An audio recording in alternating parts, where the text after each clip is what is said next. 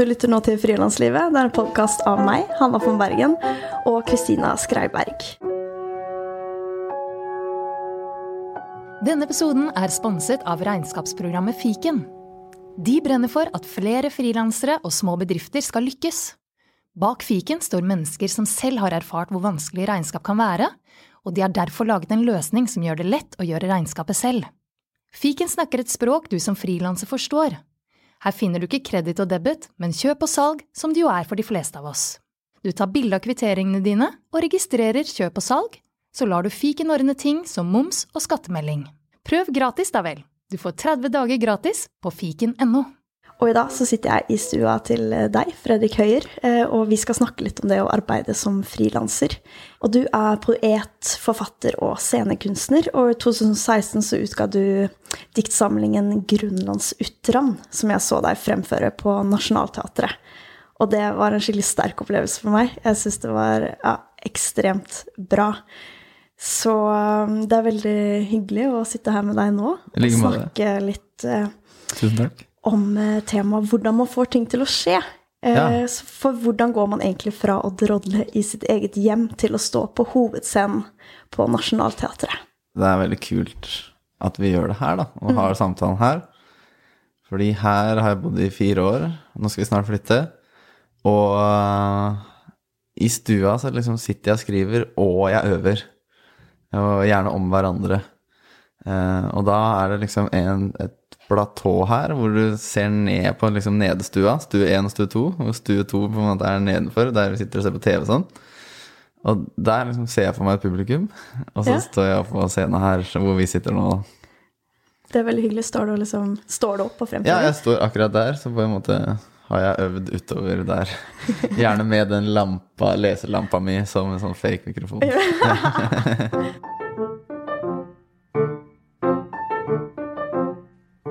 Fortell litt om hva du driver med, for de som lytter. Ja, nei, jeg um, har i de siste ti åra drevet med spoken word og såkalt slam-poesi. Uh, jeg ga i 2014 ut en roman og da skjedde det på en måte skifte i det som inntil da hadde vært en slags sånn Ja, litt hobbygreie, egentlig. At jeg gjorde den opptreden, poesien, litt for gøy. Eh, til at jeg begynte å få litt oppdrag. Så Ja, altså Siden det så har jeg på en måte prøvd å eh, gjøre begge de tingene, da. Og, og både opptre litt og, og skrive ved siden av.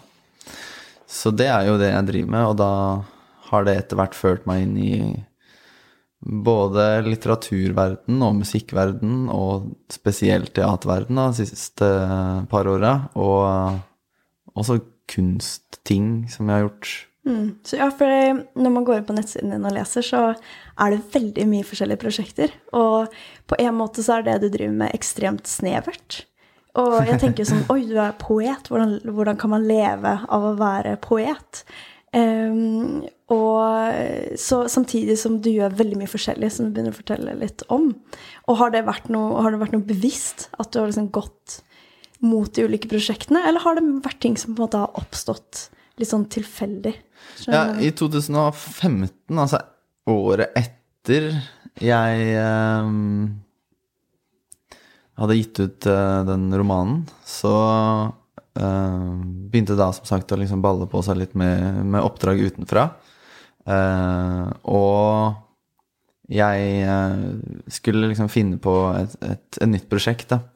Og, og, det prosjektet blei da, sammen med en musiker, å, lage et, et, langt dikt. Da, for da hadde disse liksom uh, spoken word uh, poemsa vært fra ca. sånn tre minutter, fem minutter, og så eksperimenterte jeg litt med litt sånn lengre på sånn ti minutter, 15 minutter. Så hadde jeg lyst til å lage ett som var sånn 50 minutter, en time, da. Uh, og, det gjorde jeg uh, på, nedpå Dramatikkens hus, og det var sånn veldig gjøre det sjæl. Og, og diktet het også sjæl, eh, uten at det handla om å gjøre ting sånn direkte. Men uh, da sendte jeg liksom bare en mail til eh, ei uh, herlig dame jeg kjente fra før, som jeg visste var daglig leder i Fortellerfestivalen. Hvor jeg hadde blitt litt kjent med og kommet litt inn i det fortellermiljøet, da. Uh, og ble kjent med mye herlige folk der også, så der var jeg liksom varm i trøya. Så jeg, der sendte jeg en, en mail, da. Bare hør her, liksom, vi har en greie på gang. Eh, kan vi få et space? Altså kan vi få eh, en liten slått i programmet og gjøre det på en scene der? Eh, og hun sa ja, liksom blindt. Så da hadde vi på en måte et oppdrag. Eh, og vi skrev og lagde det, og fikk eh, veldig lite penger. Men det var veldig, veldig gøy. Eh, jeg tror vi tjente Jeg tror vi fikk 2500 kroner hver. Ja. Eh, Det er ikke all verdens. Nei, for det Ikke sant, De, den, den festivalen le- levde da, i hvert fall, eh, litt sånn på på små midler, ikke sant, den nå, så det var jo litt sånn. Da jeg spurte om vi kunne få sushi, liksom, så var det nei, nei. så eh, Men det var en, en herlig mulighet som på en måte kickstarta ting Eh, og egentlig at jeg tenkte wow, ja, fra den mailen som jeg da bare gutsa på å sende, Ja, ikke sant. eh, så fikk vi lagd en forestilling, da. Og den forestillinga kan vi nå ta ut på veien og spille hvor som helst, liksom. Ja. Så eh, i salen der så satt en fyr jeg nettopp hadde blitt kjent med, eh, skuespiller på Nationaltheatret, eh, som da blei interessert i å jobbe på en forestilling til. Da. Og det var sånn Grønlandsutran eh, Ikke måte sant. Og var det blei til som en teaterprosjekt. Uh, ja, det var vel at jeg hadde satt i gang med den plata, uh, og vi hadde en felles bekjent. Så um, ingenting er jo tilfeldig, liksom. Det, det er jo kontakter og nettverk, og folk prater og Ja, og sånn og kjenne er det hverandre. jo veldig ofte i bransjen. Jeg og min eh, eks, vi holdt på med street art for en del år siden. Ja. Og det var virkelig sånn at vi bare tenkte det her er gøy, og så begynte vi eh, å gjøre det. Og så husker jeg vi gikk forbi dattera til Hagen, og så var det sånn Å ja, den her bakinngangen til til det sånne ja. det har jo street art. Så var jeg sånn Kanskje vi kunne gjort noe her? Var litt sånn cocky. Og så gikk vi hjem og lagde en tegning og putta den i Photoshop og liksom lagde en liten pitch, da, som Ja. vi gikk til baren og var sånn Hallo! Vi Mm. driver med street art. Det var kanskje litt å ta i, men uh, så viste dem tegningen, så var det sånn Ja, kult, kult. Ja, det her har jo stått der noen år. Og, Ja. så sånn Ja, men hvis dere skal Vi har liksom hele veggen er one ett piece, da. Ja. Så hvis dere skal gjøre det, så kan dere gjøre hele veggen. Ja. Og så bare utvikla seg her til at vi hang der liksom en måned etter arbeidstid og Mm. gjorde om hele veggen. Og det var Gjorde vårt første eh, street art-oppdrag, og da fikk vi alt utstyret. Vi fikk ikke noe lønn Ja. Heller, men det var Nei. helt fantastisk. ja. Ja.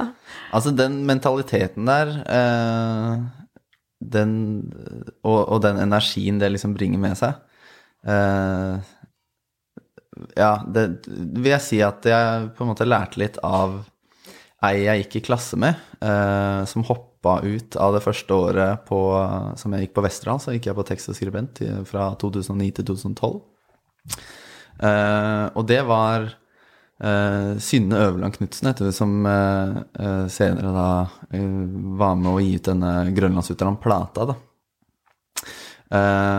Og det var på en måte via hun jeg liksom lærte meg at ja, man, man bak dis, å få til sånne ting, ikke sant, så ligger det en slags iver og, og et driv og veldig energi for å bare sende den mailen, gjøre det greiene, og da kan man få til det utroligste.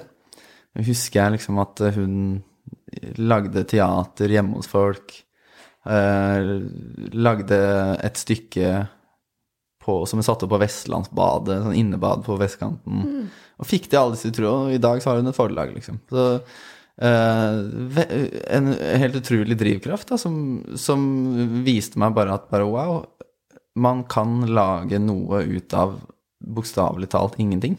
Og realisere ideene sine. Eh, det er masse som står i veien, men det er også først og fremst liksom deg sjøl som står i veien, først og fremst, da. Eh, og, og der så jeg at bare sånn Nei, man kan bare sende mail til dattera til Hagen og spørre om man får lov til å gjøre noe på den veggen, liksom. Og, ja. Eh, og så er det jo en bakside av det òg, og det, det er jo det at da må man til en viss grad også selge seg og underselge seg litt, da. Spesielt i starten, ikke sant. Så, så, så må man jo skrive den forestillinga for 2500 kroner, da. Ja. Eh, eh, ja. Altså, man må ikke, men det, det er en the dark side. Ikke sant? For var det veldig mye sånt i starten? At det var veldig mye gratisjobber og Definitivt, ja. Og at man også gjorde gigs for uh, nesten ingenting. Som jeg tror uh, også er veldig vanlig sånn blant musikere, da. mm, For det er jo litt interessant diskusjon på en måte i kulturfeltet, det her med frivillig arbeid. Og det med å liksom skape gode arbeidsbetingelser for Ja. hverandre ved Ja. å ikke underprise seg, Nei. samtidig som man har den andre siden av det, som nettopp er at eh, for å få til ting, så går man ikke rett fra null til 100. Nei. Eh, man må bygge stein på stein. Det uh, Ja, det å ta trappene, liksom, kontra å ta heisen. Det tror jeg veldig på, da. Og det var eh, en ting som også Fordi jeg har jo aldri gått på noe dramaskole eller egentlig hatt noe faglig utdannelse som skuespiller. Så leste jeg da jeg var sånn kanskje 14, eh, på stress.no. Som var sånn, de hadde, de hadde sånne sladder, skråstrek, eh, en slags sånn ryktebørsside. Som jeg var ganske jevnlig innom. Altså det, du hadde kingsize.no, og så var det den, og så var jeg innom på en måte allhiphop.com. Eh, og det var, sånn slags, det var min internettring på den tida, da. Eh, og, Og hva, hva har du bytta det ut med nå? Eh, ingenting. Nå, eh, det var lenge internettaviser, og så uh, nerda jeg griselenge på Reddit. Uh, forskjellige på en måte subreddits. Eh, men i dag så har jeg på en måte egentlig greid å bytte det ut med Kindle. Så prokrastineringa nå er å lese bøker. Det har jeg på en måte greid å jobbe inn. Ja, Uh, Det og det funker er- dritbra. det er bra jobbing. Det er Ja, den Kindle-appen er helt topp. Veldig effektiv eh, form for prokrastinering. Eller veldig nyttig form, hva man skal si. Ja, en uh, En eller annen uh, eks-addict som jeg traff på min vei en eller annen gang, fortalte meg at du må alltid bytte ut noe med noe annet. Du kan ikke bare slutte. Ja, for det er jo litt spørsmål i forhold til det å få ting til å skje. Mm. Hva syns du Hva slags metoder eller vaner har du på en måte bygd opp for å underlette den prosessen? Um, ja, ikke sant? For hva er struktur, og hva er vaner? Uh, eh, altså, det er jo viktig å ha på en måte gode vaner, da. Men åssen uh, skal jeg greie å stå opp tidlig om morgenen liksom, og skrive før jeg drar på noe annet? Veldig ofte så er det sånn at jeg, jeg må på en slags avtale, eller har eh, noe i tidsrommet 9 til 12. Ja. Og jeg vil vel si fra 8 til 12 er eh, min på en måte sånn primetime i løpet av døgnet Ah, ok. når det kommer til skriving. Det er da det flyter best. Altså åtte til tolv på morgenen. Ja, eh, det er da jeg kommer fortest inn Ja, det, du kan også si 10 til 2. Men det er et ganske stort skifte som skjer eh, mellom 12 og 2.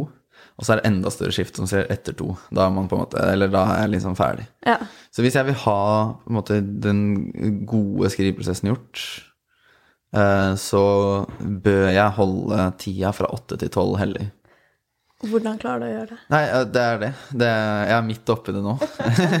det er ikke noe på en måte sånn Jeg har ikke funnet den Kindle-appen ennå på en måte som runder det.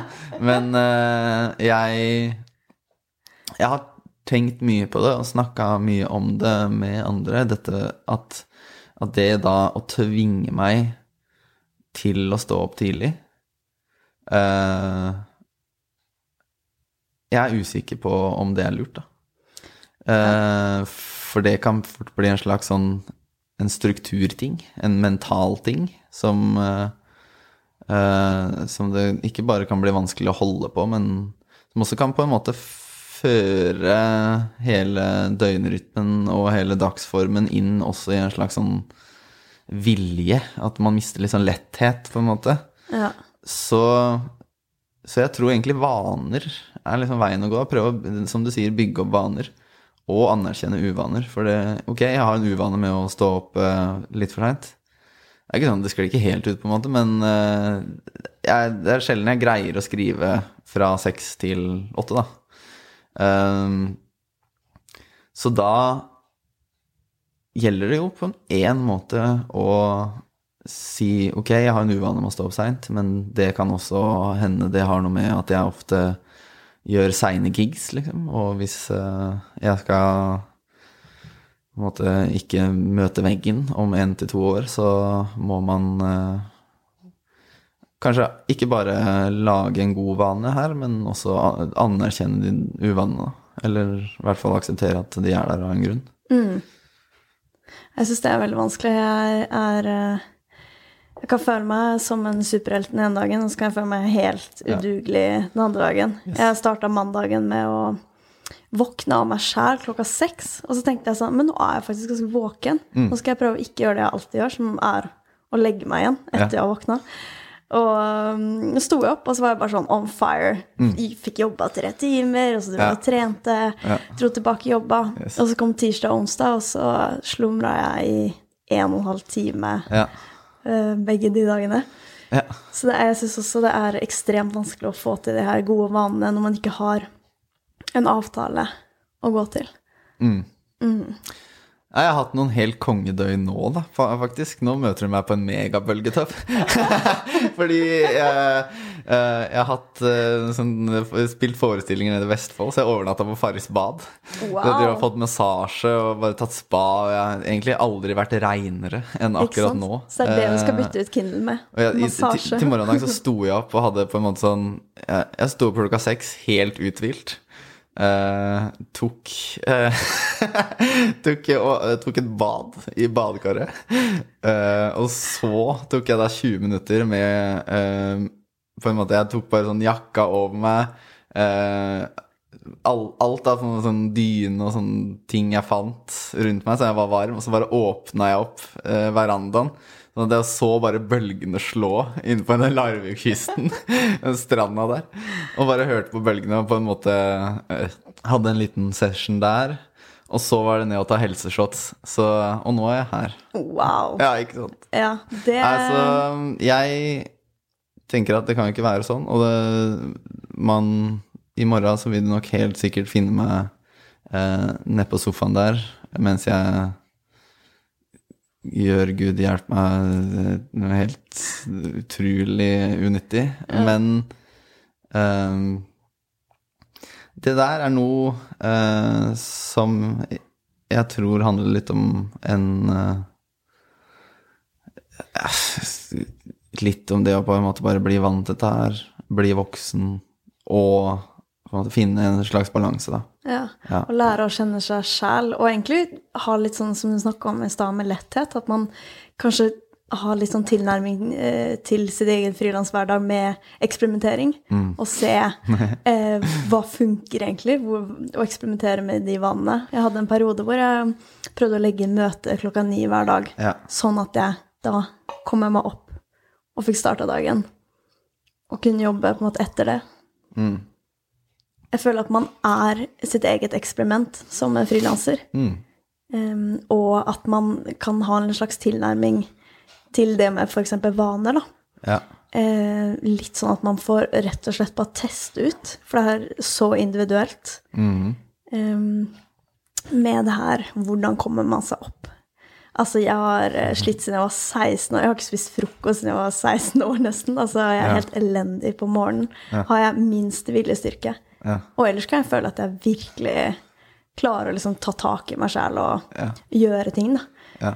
Mm, så det er um, Har du hva skal man si, Har det vært en utvikling på liksom det synet med eh, Med å eh, være frilanser fra du starta til nå? Ja, fordi etter vi hadde spilt den forestillingen sjøl, da, og uh, min nye venn Mattis satt i salen, og ikke bare skulle jeg måtte gi diktsamling, men jeg skjønte også at den diktsamlinga måtte bli jobba om til et teatermanus. Eh, så fikk på en måte deadline, en, en ekstra deadline oppå seg. Og da skjønte jeg også at bare her var det litt sånn nå eller aldri. Eh, jeg kunne ikke studere. Jeg skulle jo egentlig videre på en master. Jeg tok en litt hvitt bachelor eh, for, på to år i forkant. Eh, men det gikk ikke. Det skjønte jeg at det måtte jeg bare droppe. Så det var eh, egentlig et litt sånn vanskelig valg, for jeg kommer fra et hjem hvor det var egentlig en utenkelig tanke. Det eneste trygge i, eh, i på en måte hodet mitt og hodet til uh, mamma og pappa og hodet til uh, storesøstera mi, og alle på en måte tenkte i den samme retninga, var at liksom Ok, dette her Det er en greie. Du har gjort det lite grann, du tjener noen tusen kroner her og der, men du kan ikke leve av det. Og det eneste du kan leve av, er en trygg, fast jobb. Altså, hvis du skal ha deg et leilighet, så må du ha en fast jobb. Eh, hvis du skal ut i pappaperm, så må du ha en fast jobb. Det er liksom veien til det stabile liv, da. Det var forestillinga hjemmefra. Eh, men jeg skjønte jo også, og jeg greide på en måte å dedusere meg fram til at eh, ikke bare kunne jeg ta den masteren seinere, og jeg måtte gjøre dette nå. Men det var også etter hvert sånn at hvis jeg gjorde dette, så kunne det være en, en ny, ganske stor byggestein da, på trappa. Eh, og eh, kanskje man kunne på en måte oppnå det samme eh, CV-messig og gjøre det som en eventuell mastergrad, da. Så da eh, mista jeg Da, da slutta jeg å studere, og, og mista også eh, det jeg hadde levd på fram til det, som var eh, studielånet. For jeg eh, brukte prokrastineringa mi på en fornuftig måte, og eh, på en måte eh, Jeg Jeg skreiv fra jul til april. Og så skippertaka jeg resten. Eh, og fra august til juletider så skrev jeg, og så skippertaka jeg når den tid kom. Så jeg, jeg Altså skippertaka med skolen, eller? Ja, skippertaka eksamen. Ah. Ja. Ikke sant. På Litvid så var det mye hjemmeeksamener, og det, det var en form som passa meg veldig bra. Eh, Mm. Hvordan ble det møtt eh, hjemme i forhold til eh, det du sa? Ja, ja, fordi da mista jeg jo disse Altså, da kunne jeg ikke betale husleie lenger, og da sto jeg uten noe. Ikke sant? Da, vi er i uh, slutten av 2015 nå. Uh, da skjedde det et ganske stort skifte i huet mitt. Men, uh, en mental, men også en kroppslig omstilling.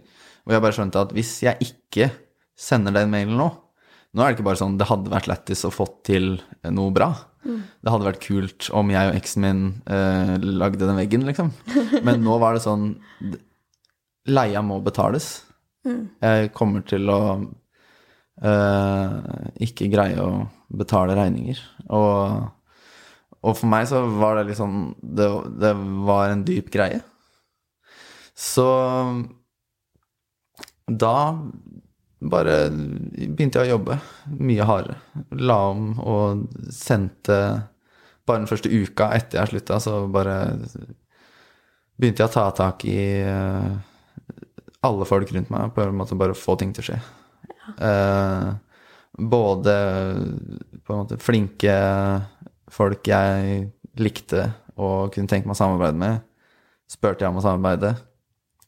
Og eh, kontakter jeg hadde, sendte jeg en mail og bare hørte om Du det kanskje liksom var mulig Bare åpne opp alle muligheter som ja, i hvert fall så være. rundt meg og aktivt spurte om det var mulig å få opp noen vinn-vinn-situasjoner i mitt nettverk, da, som uh, egentlig da var ganske begrensa. Mm. Uh, og det var det. Og så blei det på en måte enda mer trappelegging. Ikke sant? Så, og, og, og da også begynte ting å komme. Det var eh, Den omstillinga liksom var en slags sirkulær ting, så det kom også inn mer og mer etter hvert.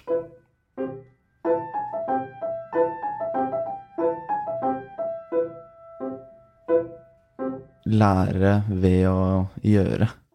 Så det blei på en måte mantra for meg eh, som eh, eh, poet, da, og, og en som opptrer. Altså bare jeg, jeg, jeg ville lære meg alt som innebar det å bli trygg på scenen, og det å måte oppdage ting innenfor formen som jeg ikke på en måte visste, for det var ingen andre som jeg kjente som dreiv med det. Jeg hadde ingen på en måte mentor innenfor det. Tok du bare kontakt med masse forskjellige steder, eller hvordan gikk du, gikk du til veie?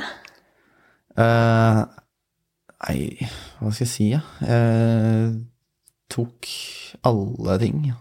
Det var vel det som var først og fremst den, Selv den minste forespørsel, eller det rareste greiene, sa jeg ja til. Og det er jeg veldig glad for i dag, for jeg har gjort ganske mye som jeg aldri ville ha gjort nå. Har du noe, har du noe Nei, jeg har, stått, jeg har stått på torv hvor ingen har hørt meg. Jeg har uh, vært live på NRK Buskerud på slags, hvor jeg slæma på bussen om morgenen, sjubussen, hvor ingen så på meg. Bare, det var tre folk på bussen, alle satt og så ut vinduet. Det var verdens kleineste ting. uh, og jeg også fikk liksom Litteraturuka-jakka og måtte reise rundt på busser og liksom random stunte. Uh, og det var helt jævlig. Altså intenst ubehagelig. Men å gjøre mange nok sånne greier, da. Eh, og også ting som er mindre ubehagelig, men bare sånn for eksempel det å kunne opptre foran to mennesker, da. Ikke sant? Og fortsatt levere. Eller greie å på en måte stå i det. Eh, ved å liksom tenke at nå legger jeg stein på stein, nå på en måte utdanner jeg meg liksom livets eh, dramaskole. Eller skriveskole. Så, så blei det motiverende. På en indre måte. Ja. Mm. Så, det, så nå i dag så har jeg slutta å si ja til alt. Men lenge så sa jeg ja til alt. Var det noe skifte der, eller var det bare når økonomien på en måte begynte å Ja, nei, i det, i det På en måte i det jeg sier nei til eh, Til eh, å studere, og på en måte skrive på den På de pengene, så uh, blei det viktigere enn noen gang å si ja til alt. Så det er egentlig først nå, egentlig, jeg har begynt å tillate meg å si nei til ting og være mer kresen på det. Ikke fordi tingen i seg selv ikke interesserer meg mer, men det er også fordi man har bare så og så mye tid. Og hvis jeg vil produsere mer, så må man strukturere, da. Og da tenker jeg struktur, ja, det er en strukturting. Og det å på en måte tilrettelegge, tilrettelegge timeplanen sin. uh, for å få tid til å produsere mer. Uh, uh, ja. Men Men den på en måte Den gleden og den Den derre litt sånn gi faen-holdninga i det å si ja til alt, da. Og gjøre de rare tinga. Det Ikke bare fordi det var ubehagelig, men også fordi det, er, det var gøy i ubehaget. Så jeg, det bærer jeg med meg, da. Og har litt sånn med meg ennå, egentlig. Bare, når jeg har skrivekurs, så liker jeg å ta med folk ut. Ja, Og at de leser i offentlige rom. Da. ja ikke sant? Nettopp for å på en måte ekstremteste teksten sin. Eh, Det er veldig, veldig fint. Ja, Jeg, hadde, jeg bodde i Skottland da jeg var 19 år, og da var egentlig da jeg begynte å spille på det instrumentet jeg spiller nå, som er mbira. Et Stemmer. afrikansk instrument. ja. Og da bodde jeg på et rom med 17 Må ikke forveksles med kalimba. Ja, vet hva, det er jo litt lignende, men eh, fra litt ulike okay. regioner. Nemlig. Og um, mbira er mest kjent fra Zimbabwe. Mm. Har litt tjukkere sånn plater. Trenger ikke å gå altfor mye inn i detalj, men uh, da bodde jeg på et rom i- på et vandrehjem med 17 andre jenter. Ja. Og da hadde jeg egentlig bare med meg Imbira som en slags sånn følgesvenn. ja. Uh, Og visste ikke hva jeg skulle gjøre i Skottland. For hele grunnen til at jeg flytta dit, var at jeg syns de snakker så fint. og så ville jeg litt ut på eventyr. Og da gjorde jeg egentlig sånn at jeg ut av kjedsomhet, egentlig, bare skrev ekstremt mye. Ja. Jeg fikk eh, låse meg inn på liksom koffertrommet, vaskerommet, bad Ja. og overalt eh, og skrive. Og så husker jeg bare prøvde alt, Jeg prøvde å spille så mye som mulig. Mm. Og den rareste gigen jeg hadde, var at jeg skulle varme opp for tre punkband i en sånn der kjellervenue. og jeg spilte jo veldig sånn koselig pling-plong-musikk. Mm. Og så husker jeg bare sånn Det her blir helt krise, tenkte jeg. Og så satt jeg der, og det kommer de her punkerne med liksom Mm. Ja, ja, ja, svarte klær og langt hår. Og jeg hadde kanskje sånn fire og en halv låt. Jeg Mm. pleide å spille liksom to og en halv, tre og en halv, fire, fem, fem og en halv. Og så husker jeg bare ber alle sette seg ned på gulvet og var sånn Nå blir det noe helt annet, på en måte. Eh, og så husker jeg bare eh, De gjorde det, og det var sånn en magisk opplevelse av alle de her punkerne som satt helt stille og lytta Wow. til uh, Pling Plong. Ja. Og det var liksom Ja, det var en av de beste konsertene jeg har hatt. Og jeg var så negativ eh, på forhånd. Ja. Husker jeg satt på den nedtagga doen eh, og liksom og, og varma opp. ja. Så det er litt det at man vet aldri heller Nei. Eh, hva det gir, da, eller Ja. hva som kommer ut av en opplevelse. Ja. Og man må jo så klart si nei på et tidspunkt, det er veldig viktig, ellers så går man jo på en måte på Ja. veggen på et eller annet tidspunkt. Og på det torvet jeg sto på den gangen, eh, hvor på en måte ingen lytta, og jeg sto og bare gavla utover, så var det én dame 80 meter bortenfor som jeg så har fulgt med, og hun likte det, liksom. Mm. Og det er jo også noe, da. Ja, Det er jo Å ta med seg, ikke sant? Og Ja. Så du har både sånne magic moments, men så har du også på en måte på mikroskalaen. At eh, ok, tenk hvis 100 punkere hadde driti i det, og så hadde én bare blitt liksom wow. Så, så ja. Men uh, jeg tenker litt det samme med tommelpianoet som uh, slampoesien, da, eller spoken word-greia. Eh, har jo også vært uh, det at det er en ganske ny og snever ting. Uh, for det er en ganske viktig faktor her, da. Ja, det er jo det at måte, det var en sånn ny ting. At det har vært litt sånn egentlig Egentlig lett for meg, da. For det, man, når man er så få som driver med noe, så blir det så synlig. Samtidig så har det også vært eh, veldig kult å bli med på å gjøre det til et mer kjent fenomen også. Så, og, og det var også en utfordring, da. At uansett eh, hvor man dro og kom hen, så, så var og er det til en viss grad fortsatt helt nytt, da. Eh, bare for folk. Det, hele spoken word-tingen. Eh, og det har nok gitt på en måte flere gigs enn man skulle trodd. Egentlig tror man trodde at det var vanskeligere å drive med noe snevert, men for meg så har det egentlig Jeg, jeg tror i ettertid at det har eh, vært en skikkelig blessing, da. Kanskje også tommelpianoet er litt samme greia. At, Det er, ja, jeg kan kjenne meg igjen i det du sier. Mm. Når eh, noen trenger en tommelpianist, så tenker de på deg, liksom. Ja, og man får ikke de her forutinntatte meningene om hva du driver med, på samme måte. Hvis jeg hadde sagt sånn Ja, men jeg er en jente, singer-songwriter, spiller piano og synger om kjærlighet, Ja. så på en måte så får man veldig sånn et bilde, men når jeg sier Mbira, og folk er sånn Oi, ok, men oi, hva er det? Så åpner det litt mer opp for at det kan være litt noe, noe de ikke vet hva er. Det blir på en måte litt mer sånn en overraskelse. Ja. Og det er veldig fint å, å ja, å kunne liksom gi, da. At man eh, At det ikke er så Ja, man ikke har så tydelig idé om hva man skal oppleve. Mm.